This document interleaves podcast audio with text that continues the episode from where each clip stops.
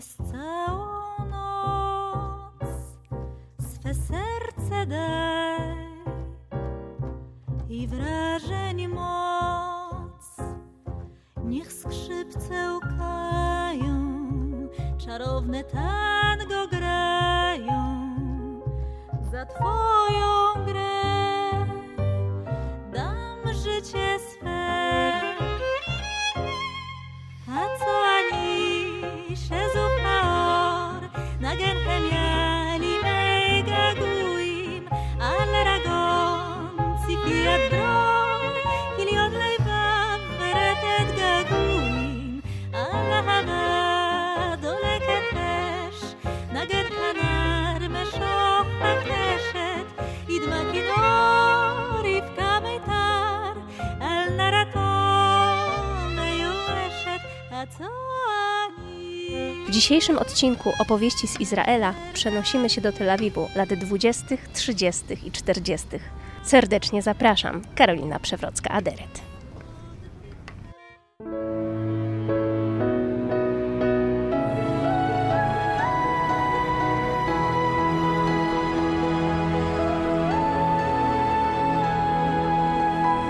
Podcast powszechny.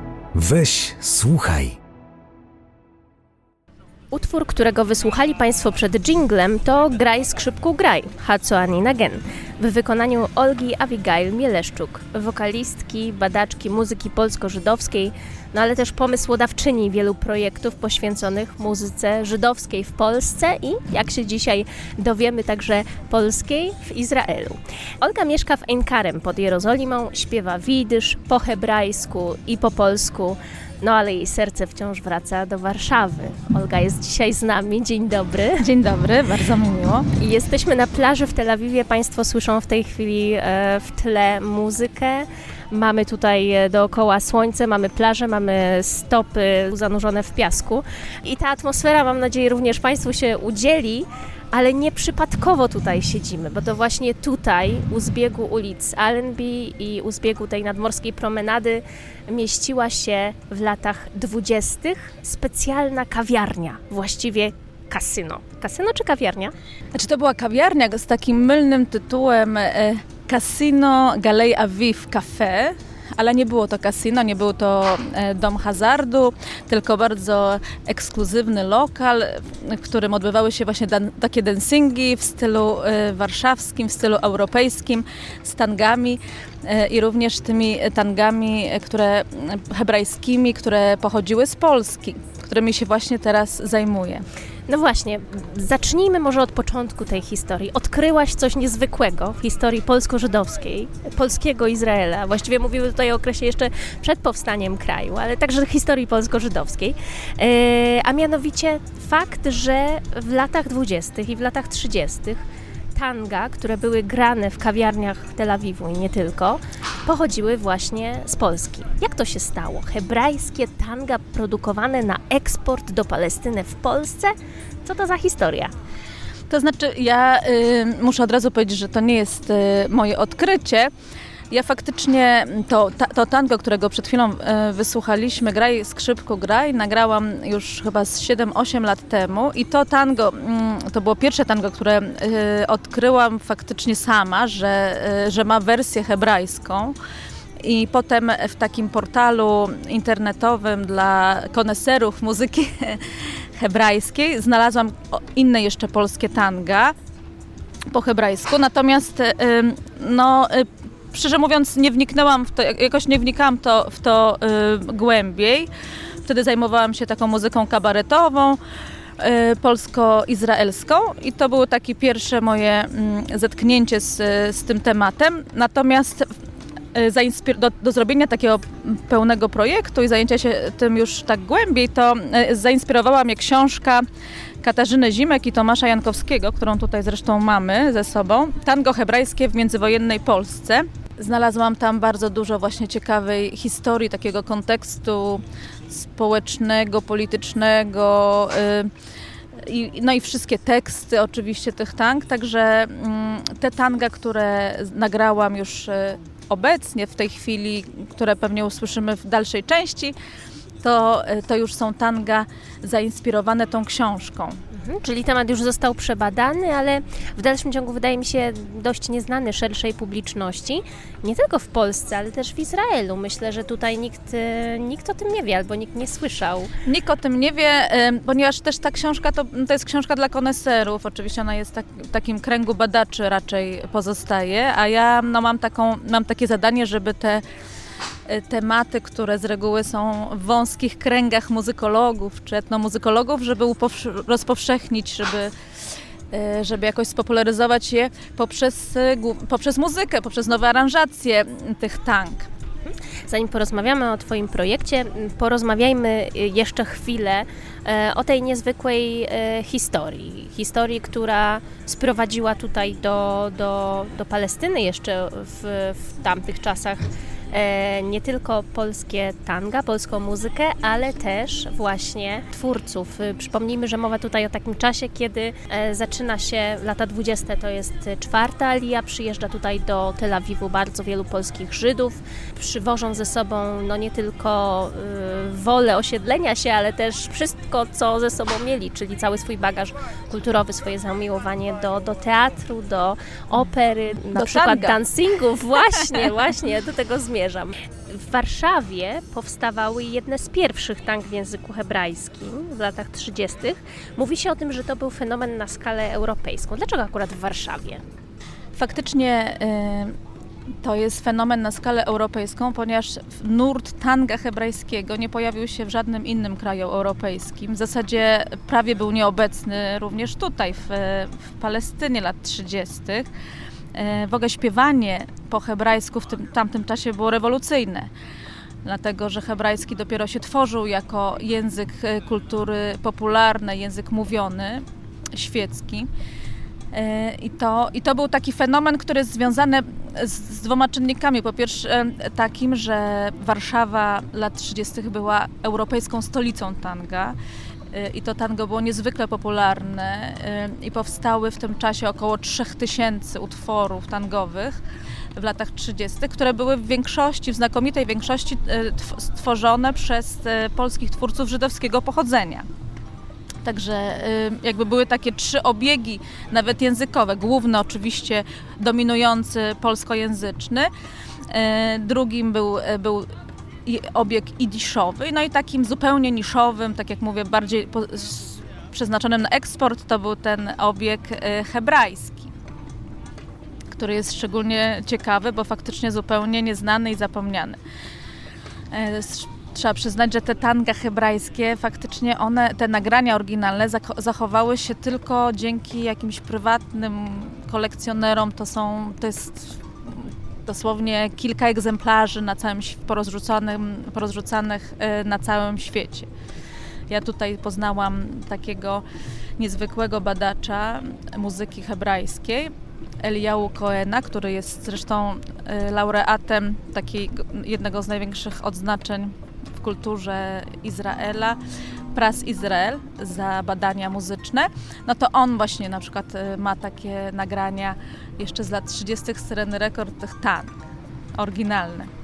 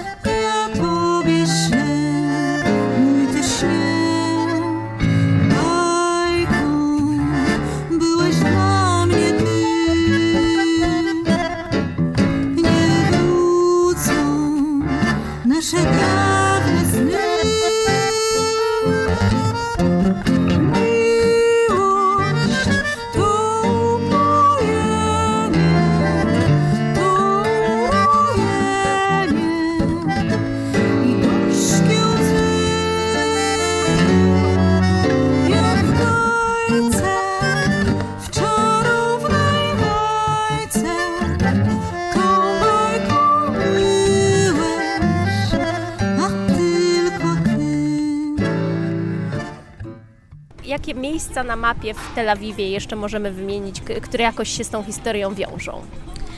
No przede wszystkim takie miejsce przy ulicy Lilienblum 20, w której znajdowała się w latach 30. e, filia największej wytwórni fonograficznej międzywojennej Polski, Syreny Elektro. I właśnie Syrena Elektro, Syrena Record e, miała taki mm, projekt nagrania 18 polskich tang w wersji hebrajskiej które zrealizowała i z dużym powodzeniem. E, I właśnie ten, te tanga były same, od samego początku przeznaczone na eksport do Palestyny, ponieważ tutaj, tak jak wspomniałaś, już była ta Polonia spragniona polskiej muzyki. No właśnie, Polonia czy nie Polonia, bo to jeszcze o tym opowiedzmy. Mówimy tutaj o polskich O, Żydach, po- którzy przyjeżdżali. polskich Żydach, tak. którzy, Mhm. którzy tutaj się osiedlili, którzy y, jakby oczywiście byli dalej mocno związani z e, kulturą polską i którzy tutaj ją ze sobą przywieźli. I e, Serena Rekord postanowiła wyeksportować im te tanga, które były coraz, były, to były takie hity tangowe międzywojennej Polski i zostały one nagrane w wersji hebrajskiej głównie e, przez Adama Astona, który nagrał te tanga pod pseudonimem Ben Levi. Jest to pse- pseudonim, który pochodzi od jego rodzinnego nazwiska Levinson, ponieważ również e, Adam Aston jest pseudonimem mm, wywodzącym się od asatonu, który zawdzięczał swojemu aksamitnemu barytonowi. To w ogóle tworzy się z tego taki portret przedwojennej śmietanki towarzyskiej Warszawy, która bardzo mocno związała się e, z Tel Awiwem no, przez swoje pochodzenie. Przyjeżdżali tutaj twórcy. Na przykład e, w 1938 roku do Tel Awiwu przenosi się Stanisław Ferszko, który był pianistą Wiery Gran. Tak. Stanisław Ferszko e, na, napisał już w Warszawie tango, które zostało, powstała jego hebrajska wersja. On był jednym z największych właściwie kompozytorów międzywojennej Polski.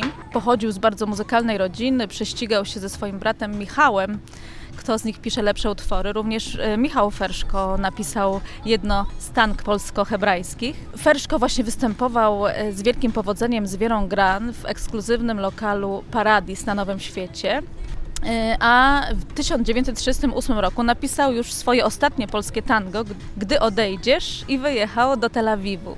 Tutaj związał się z kolei z takim kabaretem Lila Lo, którego nazwa dla mnie, dla niej, dla niego wskazuje na uniwersalny charakter repertuaru i przez ten kabaret e, bardzo dużo polskich twórców się przewinęło. Też związał się muzycznie z e, Szoszaną Damari, piosenkarką o jemeńskich korzeniach. Właśnie z nią wyjechał na tournée do Stanów Zjednoczonych w latach 50. i nie wrócił już z tego tournée. Szoszana wróciła sama. E, Dlatego pewnie w Izraelu e, Samuel, Shmuel Ferszko jest kompletnie zapomniany, natomiast e, i też jego tanga e, zostały zupełnie zapomniane. Natomiast jest, jest, pozostał po nim jeden utwór, który właściwie wykonywany jest prawie co roku i który jest znany prawie przez każde izraelskie dziecko. Mowa jest o Babel Wat, piosence patriotycznej, która jest śpiewana z okazji dni, e, Dnia Pamięci o poległych żołnierzach izraelskich. i którą również e, ja wykonuję. W owym czasie przyjeżdża też do Tel Awiwu bardzo wielu innych twórców, między innymi światowej sławy Bronisław Huberman, czyli twórca Filharmonii Izraelskiej, ale też przyjeżdża Nahum Cemach, który był twórcą Habimy, czyli narodowej sceny izraelskiej. No ale jeśli mówimy tutaj jeszcze o ważnym miejscu y, dla Tel Awiwu, jeśli chodzi o, y, o muzykę, no to jest też miejsce dla miłośników Milongi, czyli y, hotel Palatin. Hotel Palatin, e, ten budynek, e, w którym znajdował się ten ekskluzywny hotel, w którym odbywały się dancingi e, z muzyką, ze szlagierami, z, z polskimi przebojami, z polskimi szlagierami. On dalej funkcjonuje i ten, ten budynek w tej chwili jest w remoncie i niedługo będzie jego otwarcie. Także mam nadzieję, że będzie można e, zalęczyć milong. Że właściciel zna tą historię i wie, że tam e, były polskie wieczory muzyczne i zaprosi nas na uroczyste otwarcie. Na to bardzo czekamy. Znaczy, chciałam dodać, że y, w zasadzie takim wyjątkowym okresem w tej polskiej historii Tel Awiwu były lata 40 właśnie wtedy przybyło do, do Tel Awiwu cała plejada, spotkała się tutaj e, artystów scen polskich, którzy dali potężny impuls do rozwoju hebrajskiej sceny muzycznej. Przybyli oni z armią Andersa i życie w Tel Awiwie rozkwit, rozkwitło językiem polskim.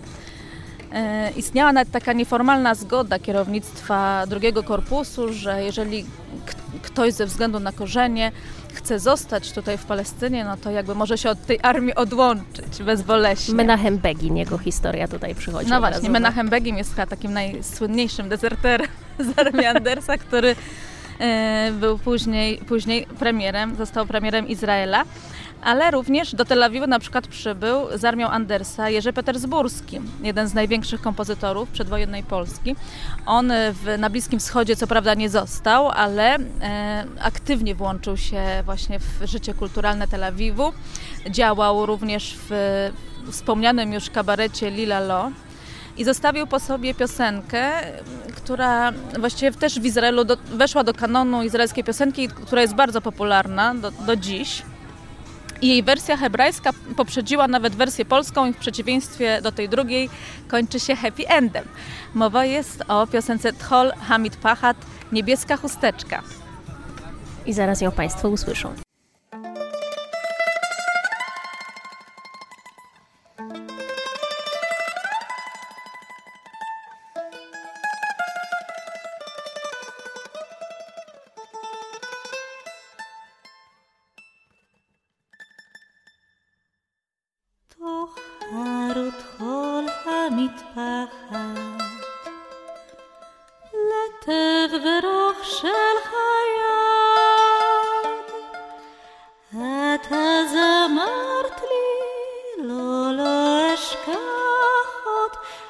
פגישתנו לעד. ויהי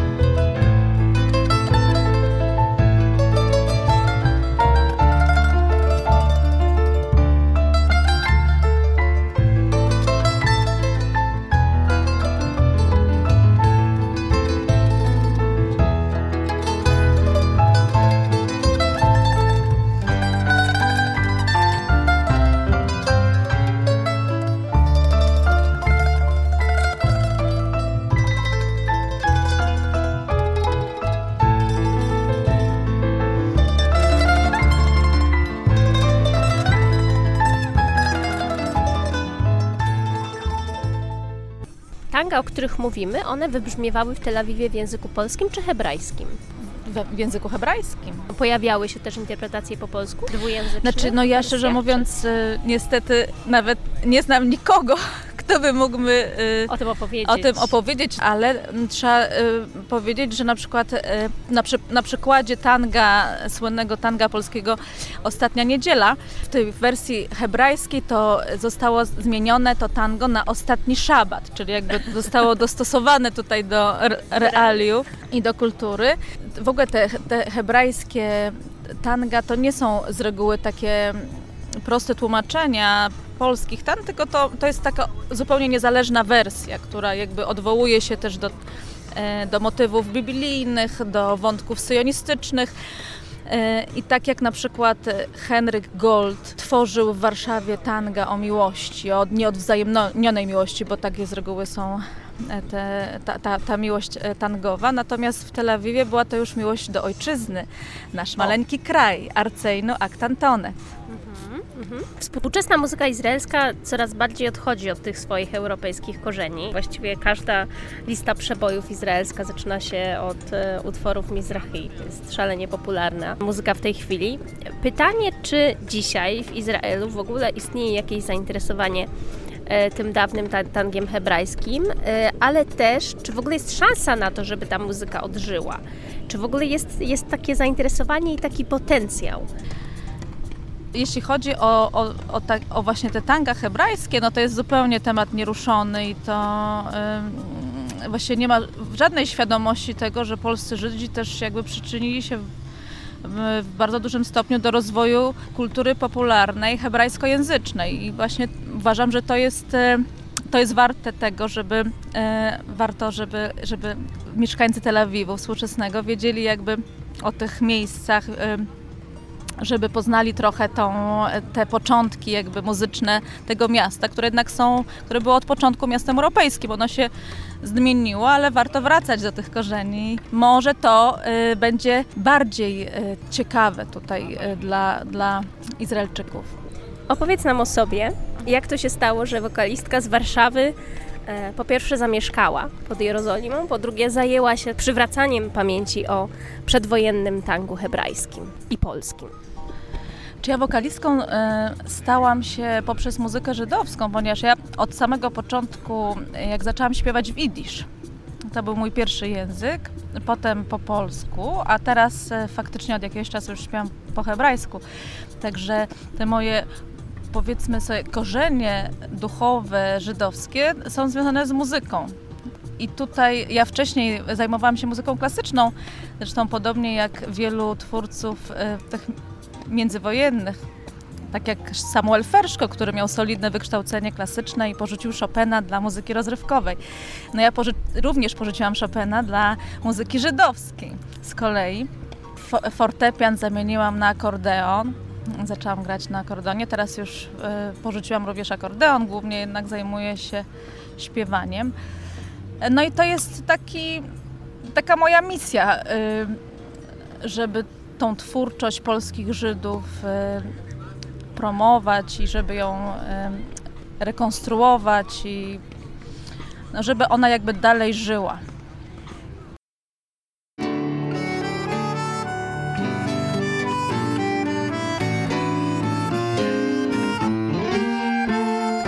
רד אליי בואי פה חלום, התקרבי נבט החלום,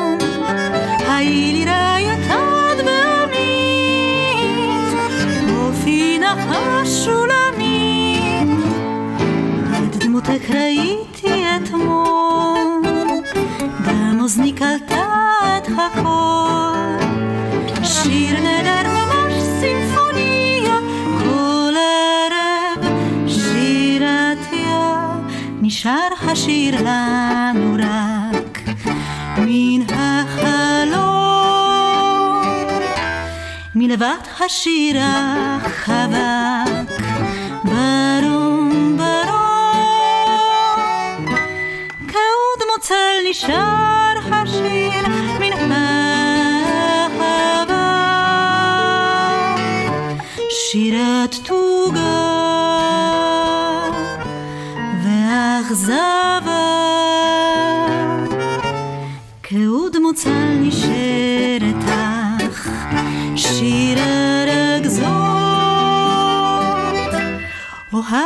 ثغرة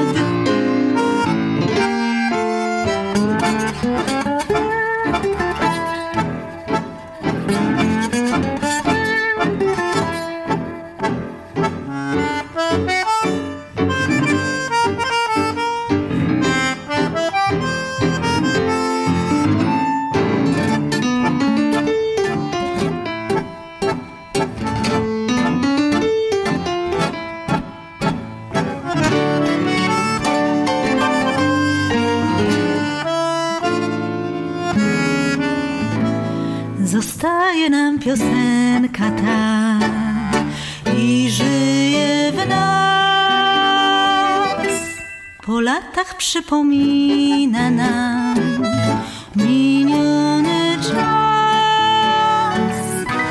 Te pierwsze upojenia, pierwsze sny i pierwszy ból i pierwsze łzy. Piosenka żyje krótko tak,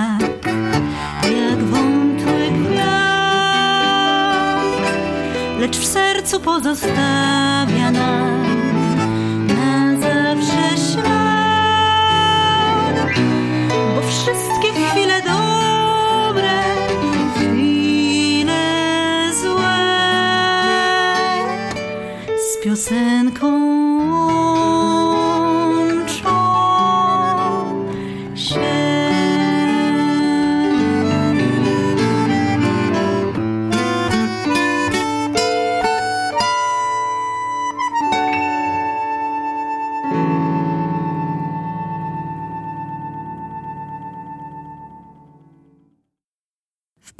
wykorzystano przedwojenne utwory Graj skrzypku graj, Bajka, Niebieska chusteczka i Została nam piosenka w wykonaniu Olgi Abigail Mieleszczuk i zespołu Tango Attack, czyli Hadriana Tabęckiego, Grzegorza Bożewicza i Piotra Malickiego. Ci z Państwa, którzy zechcą posłuchać tych tang na żywo, będą mieli taką okazję 25 sierpnia podczas festiwalu Warszawa Zingera, gdzie artyści wystąpią na letniej scenie Teatru Żydowskiego.